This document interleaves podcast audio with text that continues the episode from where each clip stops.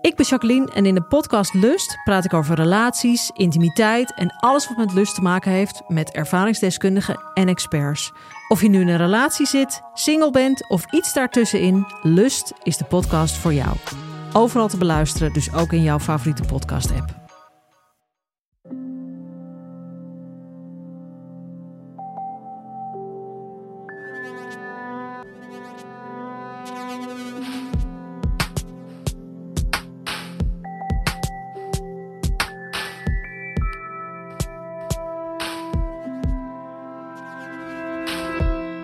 Ik ben Pieter van Relaas.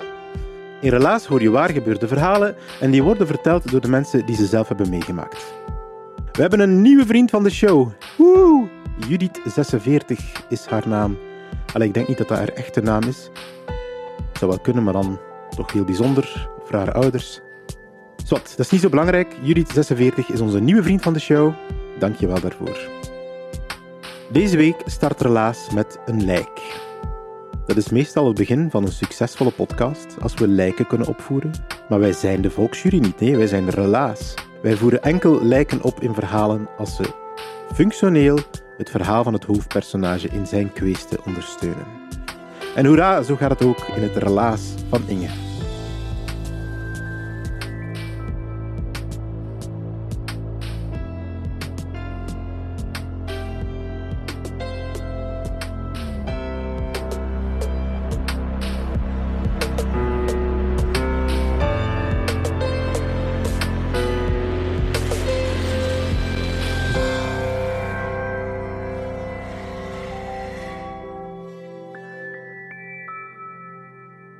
Mijn verhaal is eigenlijk het verhaal van hoe ik als een onzekere en uh, een beetje cynische puber uitgegroeid ben tot een kamikaze in de liefde die niet bang is om op haar bek te gaan.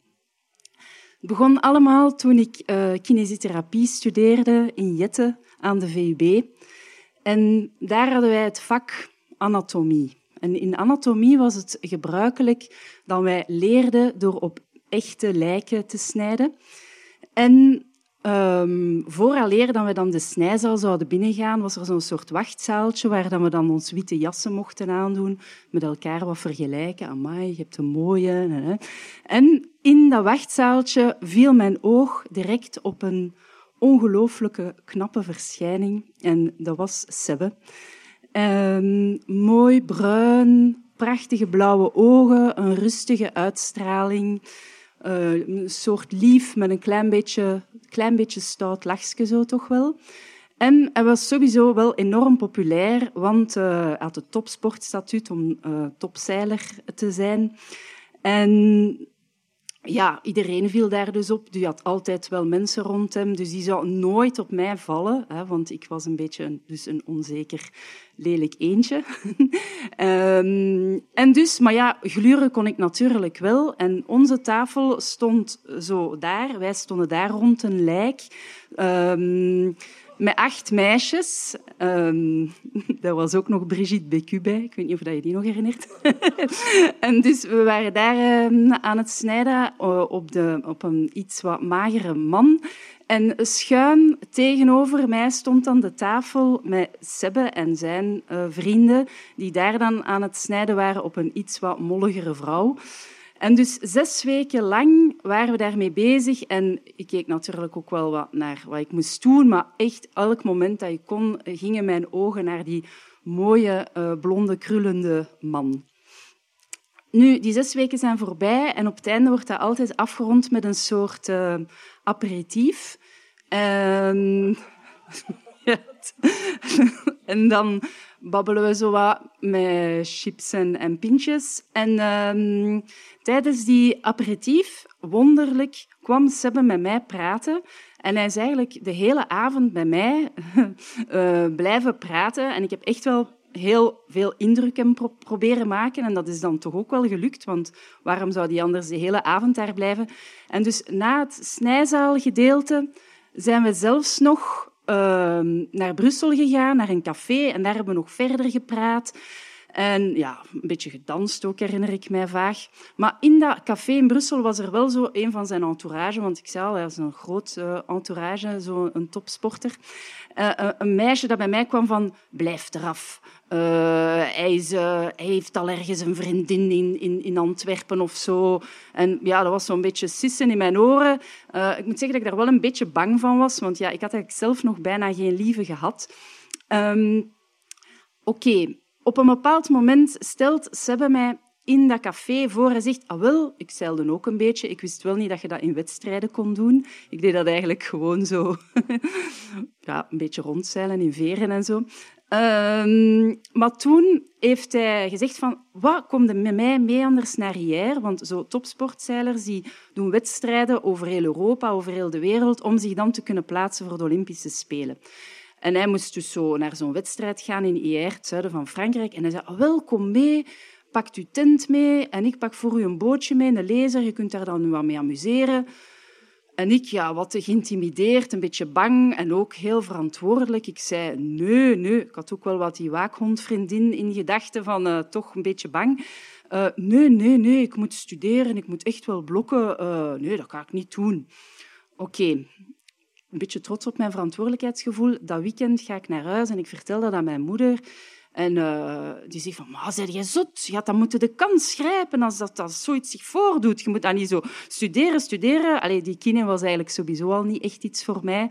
En uh, wat, wat, wat gaat er daar nu? Allee, waarom zijn er niet meegegaan? Was ik al een beetje van verbaasd. Mijn ouders zijn dan die paasvakantie op vakantie geweest. Ik zat daar thuis alleen te blokken.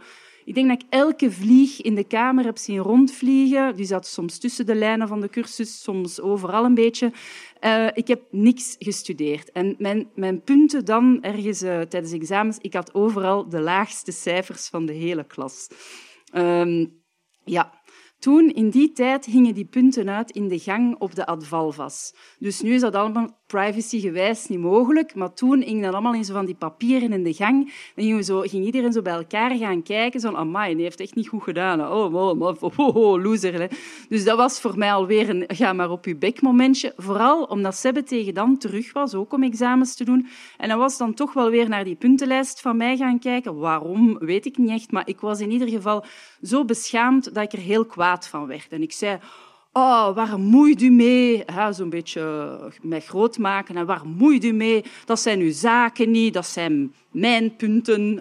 Ik was de voorloper van de GDPR, denk ik, op dat moment. Maar tegelijkertijd was ik echt ook kwaad op mezelf. Maar ik ben dan op mijn fiets gesprongen met mijn KW aan door de regen op Montgomery rond. Dat zijn vijf baanvakken. En in die tijd fietste er eigenlijk nog bijna niemand in Brussel, behalve ik. En dan zo gevaarlijk naar mijn kot gereden. En daar dan zat ik daar van, ja, wat heb ik nu gedaan? Ik kon mijn hoofd wel tegen de muur bonken van razernij, van zo stom geweest. En ja, we hadden geen gsm's in die tijd, dus ik kon ook niet een vriendin bellen. Hè. Dus uh, het enige wat ik kon doen was zo de metro induiken en daar in zo'n kotje bellen naar teleonthaal. En dat is wat ik dan ook gedaan heb. Bovendien, teleonthaal is gratis. Hè? Daarvoor heb je geen telefoonkaart nodig. Dus uh, ik gebeld naar die mevrouw van teleonthaal en uh, zij zei, ja, dat komt allemaal wel goed. Je hebt precies wel een goede manier om jezelf te relativeren. En, hè. Allee, het was een mooie toekomst, was mij voorspeld. Ik denk dat we een half uur gebeld hebben. En ja, ik was ook niet echt van plan om zelfmoord te plegen. Dus ja, uh, langer heeft dat dan niet geduurd verhaal afgesloten eigenlijk. Ik ben dan niet meer um, verder ja, met kine gedaan. Ik heb mijn tweede zit niet meer meegaan. Ik ben dan naar Gent gaan studeren. Ik ben dan filosofie gaan doen en dat was wel mijn ding. Daar was ik een beetje als uh, vis in het water en ook in Gent. Um, toen zaten daar nog geen vissen in de leien. Um, daar, hebben we, daar heb ik toen mijn eerste lief ook, alleen mijn echt lang lief zo, leren kennen. Um, en ik vertelde dat verhaal van Sebbe ook nog altijd omdat dat wat specialer werd, omdat hij een zilveren medaille op de Olympische Spelen had gewonnen. Dus dat was dan toch een beetje zo mijn eigen speciaal verhaal dat ik vertelde op familiefeesten en, en aan mijn lief en aan, uh, allez, zulke, en aan vrienden die dat wilden horen. En dus mijn lief van toen die had er ook niet beter op gevonden. Die had zo'n affiche gevonden waar dat Sebbe poseerde voor zo'n een dikke jeep. En die had mij dat cadeau gedaan. en ik om hem een beetje te treiteren en ook uit zelfspot hij aan mijn deur gangen van mijn kot. Dus eigenlijk al die jaren heb ik gestudeerd met die affiche van die jeep met Sebbe. Maar ik zat wel een beetje in een andere sfeer in Gent. Dat was niet te vergelijken met de kine van, uh, van de VUB toen. Uh, die relatie van mij is dan kapot gegaan op een bepaald moment, na zeven jaar. En dan nog een andere relatie. Ik denk dat ik daar ook dat verhaal aan verteld heb. die volgde dan Sebbe, die zei, heeft geweend in Griekenland. Allee, op die manier kwam, kwam dat verhaal altijd wel zo'n beetje terug van pas. Um, maar dus op een bepaald moment, ik ben 33 jaar en ik moet een voordracht gaan geven over tranen. Waarom huil ik? Mijn eenvoudige antwoord was als de werkelijkheid niet doet wat je verwacht. Daar heb ik dan een hele voordracht rondgebouwd voor eh, verpleegkundigen in Oostende. En de avond voordien, ja, dat was wel een beetje ook een avontuur. Dus ik ging iets gaan eten in het zeezotje, zoals een echte grote, en mij voorbereiden met mijn notities en, uh, en een spaghetti. Maar wie zie ik in het zeezotje in Oostende zitten aan een tafeltje? Sebbe met een vrouw, vermoedelijk zijn vriendin, en nog een man. En ik zeg, ja, de tijd is gekomen om het kosmisch evenwicht te herstellen. Ik ga hier nu op mijn bek gaan. Dat gaat, uh, dat gaat alles veranderen. Ik moet mijn kans grijpen. Maar hoe dat ik dat moest doen, dat was natuurlijk niet evident, want ik wou natuurlijk niet aan die tafel iets gaan zeggen. Dus ik was daar nog over aan het piekeren. Maar ondertussen heb ik een briefje naar, uh, klaargemaakt voor hem, want zo ging ik het doen. Ik ging hem een briefje afgeven en dan rap verdwijnen of zo. Ik ga het briefje eventjes voorlezen dat ik toen geschreven heb, want ik heb het teruggevonden. Het is misschien toch niet zo onschuldig achteraf. Daar, oordelen jullie over. hey, briefje om je niet te storen. Ooit was ik erg verliefd op je, vijftien jaar geleden. Ik kende je van de snijzaal in Jette van de tafel schuin over. Morgen geef ik hier een voordracht over tranen. Ik ben filosoof geworden. Het feit dat ik je hier zie, gezond, lachend en blij, is voor mij absurd. Het zou te stom zijn om er absoluut niks mee te doen. Daarom, de wereld heeft gevoel voor humor. Inge Duitschaver, je filo-fan. En filo, filou-fan ook. PS, vaarwel. Inge Duitschaver. Maar voor de rest geen e-mailadres of telefoonnummer bijgezet. Allee, ik vond nu niet, het was ook geen huwelijksaanzoek of zo. Um, en dus het moment om dus de tweede keer serieus op mijn bek te gaan, dat is zeker hersteld. Hij komt zo het naar beneden van de wc. En ik, ja, met mijn briefje, ik ga naar daar om hem dat af te geven. Uh, maar ja, ik, ik, hij zo met van die hele grote ogen van wat komt die rare vrouw mij hier ineens een briefje afgeven. Dus er moest wat uitleg bij. Hij had me helemaal niet meer herkend. Hè. Ik hem wel, maar hij mij duidelijk niet. En hij zei, ah, wie, zei, wie, wie ben jij? Ik zeg, ja, ik kende u nog van in de kine, toen we in uh, Jetten. En, en, ah, ja, oké. Ah, ben je dan kine geworden? Nee, nee, ik ben uh, nee, ik heb andere dingen gaan studeren. Ik piekerde al zoveel, zo vaak, dat ik eigenlijk niet geschikt was voor de kine. Ja, een beetje, zo'n vaag verhaal van ik die piekerde. Allee, zijn ogen werden meer en meer groot en ik dacht van ja, oké, dat is nu echt de slechtste verleidingsmove ooit. Dus nu is het evenwicht hersteld. Ik ga naar mijn tafel terug studeren, uh, wat ik moest de dag nadien gaan vertellen. En voilà ik, ben dan, uh, ik heb hem nog naar buiten zien wandelen, zo vrolijk en zo, en een beetje lachend. Ik schaamde mij ook uh, echt diep. Dat was echt wel een beetje op mijn bek gegaan. ik ben dan terug uh, naar huis gegaan, weer al een stukje voor het verhaal bij te vertellen. Hè. Mijn verhaal werd dan wel een beetje sappiger uiteindelijk. Maar wat er raar was, een week of twee later, wat valt er in mijn brievenbus? Een brief van Sebbe dat het toch een beetje, uh, die relatie die ik zag, dat dat wat schone schijn was, dat dat allemaal zo goed niet ging als dat ik dacht. En dat dat heel moeilijk was, want toen in die tijd ging hij met, die, uh, met zijn toenmalige vriendin ook naar de Olympische Spelen in een tweemansboot. Zij was stuurvrouw en hij was bemanning. Uh, dus dat ging allemaal niet zo goed. Dus ja, oké, ik had dan die brief gekregen en kon een beetje terug beginnen dromen. Maar uh, ja, natuurlijk, mijn hart ging al wel een beetje snel op hol. Maar oké, dat viel nog wel mee. Ik had ook de, de, coaches op mijn werk van toen, dat waren mijn collega's, hè, die leefden ook allemaal mee met het verhaal. Die, die gaven mij zo wat tips van Nu niet te veel niet meer schrijven, Inge. Houd u wat in, houd u wat in. Nu, daar mogen we wel misschien nog wat voluit voor gaan. Vijf regels is genoeg. En zo op die manier werd ik gecoacht in dat liefdesverhaal. En schrijven en maar schrijven en sms'en en al die dingen. Ehm, dat, dat gebeurde zo. En op een bepaald moment krijg ik een berichtje en hij zegt weet je wat, ik ben in België, uh, kunnen we niet ergens afspreken? Ik zeg, ja, oké, ja, waarom niet? En uiteindelijk spreken we, spreken we af. Ik weet nog goed dat ik tamelijk zenuwachtig was die middag. Uh, en ik krijg ook een bericht van hem van, ja, uh, ik zal wel later zijn, want mijn auto staat in pannen. Ik zo, ja, ja, ik had al wel tamelijk veel andere relaties gehad ondertussen. En ik dacht, ja, dat is zo'n smoes, mijn auto staat in pannen, dat hebben we nog niet gehad. Um, maar uiteindelijk was dat echt wel zo, was zijn auto echt in pannen. En op een bepaald moment had hij dan een vervangwagen gevonden. En ik, op mijn appartement op de tweede verdieping, kon hem zo zien parkeren. En daar stapte dan zo'n soort superheld uit. Zo'n blauw hemdje, van die felblauwe ogen, afgetraind, bruin. Ja, niet dat ik op dat moment zo was. En even had ik zoiets van, wat heb ik gedaan? Allee, dat is precies Superman of Ken van de Ken en de Barbie. Maar ik ben niet de Barbie. Dus, en uh, wat gaan wij te zeggen hebben tegen elkaar? eigenlijk ken ik die mensen ook helemaal niet zo goed. En die kwam dan zo gelukkig die twee verdiepen naar omhoog gestapt.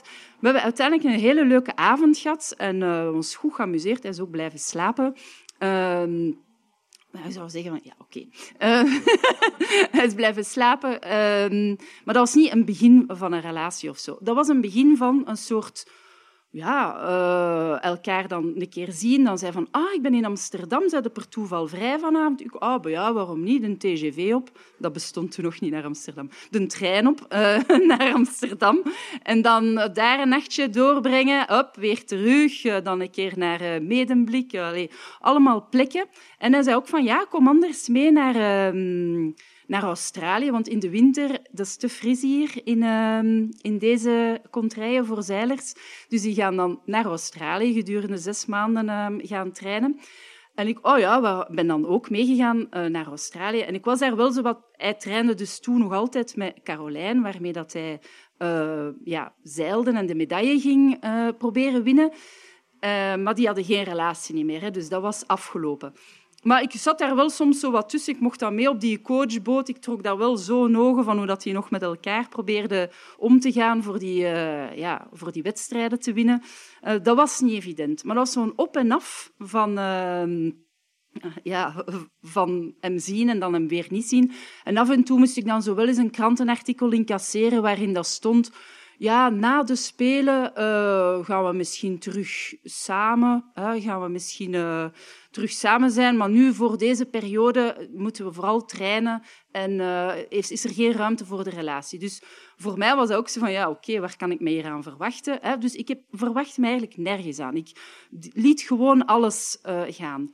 Tegelijkertijd had Sebbe mij ook wel gezegd van ja, jij bent wel echt heel verschillend van zijn uh, ex-vriendin toen, want dat was zo wel eerder een superheld, misschien eerder een Barbie. Allee, Barbie is eigenlijk een beetje beledigend, want het is wel echt een knappe, slimme, uh, supersnelle, alles uh, vrouw ik, dat was voor mij ook geen concurrentie, want ja, dat uh, op bepaalde momenten weten dat je alleen maar gewoon op je rug kunt zitten met je pootjes in de lucht. Zo van, ja, daar, daar kon ik toch niet echt aan, aan gaan tippen. Uh, en dat is ook wat, wat, ik elke keer deed als ik haar zag. Zo van, woe. zo, vooral niet meegaan in, in een of andere concurrentie ofzovoort. Um, maar uiteindelijk komen de Spelen eraan in China en uh, gaat, gaan ze daar ja, presteren hè, in China. Als we in de supermarkt rondliepen, ik en Sebbe, dan vroegen ze altijd en wanneer ga je naar China? Ik vond dat verschrikkelijk, dat je dat overal moest gaan vertellen. Ik zei, um, maar altijd beleefd blijven tegen de pers en zo, hè, dat was heel belangrijk. Um, Oké, ze doen de spelen, maar dat loopt echt super slecht af. Want de mast is helemaal op het op een, op echt een super rot moment, naar beneden gegaan, waardoor dat ze gewoon geen kans meer hadden om uh, allez, een beetje een goed resultaat te hebben. Dus die hebben al die tijd daarvoor echt heel hard gewerkt om dan ja, op niks uit te draaien. Ik zat dan ondertussen in België zo af en toe zijn een blog aan het vertalen van het naar het Frans en zo van die dingen. Um, maar na dat noodlottig moment van die mast die naar beneden is gevallen, heb ik van hem niets meer gehoord. Ik dacht, ja, dat was het einde van een, van een mooi verhaal dat ik uh, leuk meegemaakt heb en zo. Uh, ik was natuurlijk wel een beetje tristig en een beetje bezorgd en een beetje van alles. Wat, maar ja, tegelijkertijd was ik ook wel blij dat ik dat allemaal had kunnen meemaken. Uh, maar ja, de Belgische delegatie ja, komt na een week terug. En wat dat er ook is, tijdens die periode dat ze in de Spelen zijn, gaan er ook van die geruchten van wat gebeurt in het Olympisch dorp blijft in het Olympisch dorp. Hè. Wat je daar dan allemaal moet bij voorstellen, ik met mijn levendige fantasie, allee, dat is echt eh, geen, geen goede mix. Maar uiteindelijk komt Sebbe dan blijkbaar toch terug. En dan beginnen de sms'en van ah, wanneer kom dan, wanneer zie ik u, wanneer, waar ben je, ik mis u en waar ben je, en nog knuffelberen, hartjes enzovoort uh, van berichten. Ja, ik was dan natuurlijk wel een beetje koppig. Hè. Ik dacht van ja, nu gaan mij niet direct uh, hier op mijn paard naar, naar Antwerpen huppelen. Dat ga ik nu even niet doen, dus ik ben even koppig geweest. Maar gelukkig heeft die koppigheid mij toen niet ervan weerhouden om toch naar, uh, naar hem te gaan. Hè. Ben ik toch naar daar gegaan. Um, en dus ja, de vraag is een beetje van wanneer is hier nu eigenlijk het begin van die relatie? Hè? Was dat toen we elkaar in de snijzaal hebben ontmoet? Was dat uh, als ik hem in het zeezotje heb gezien? Was dat als ik een keer naar Australië ben mee kunnen gaan? Hè? Uiteindelijk weten we nog altijd niet, is het eigenlijk nog altijd een soort beginnen en herbeginnen en herbeginnen. Um, hoe dat onze relatie is. Want zelfs, ik kan u zeggen, wij hebben eigenlijk ook geen datum die wij vieren van nu zijn we zoveel jaar samen. Dus die tijdelijkheid blijft duur. Dank u.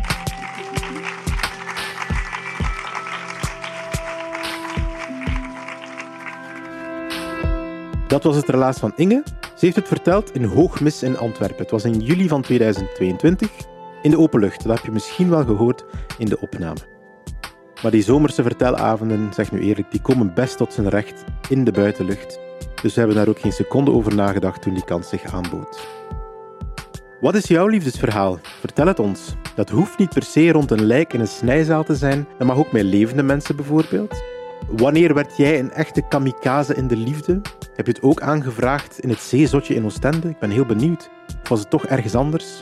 Via onze website kan je het ons laten weten. En als wij jouw verhaal leuk vinden, dan gaat een van onze coaches er verder mee aan de slag.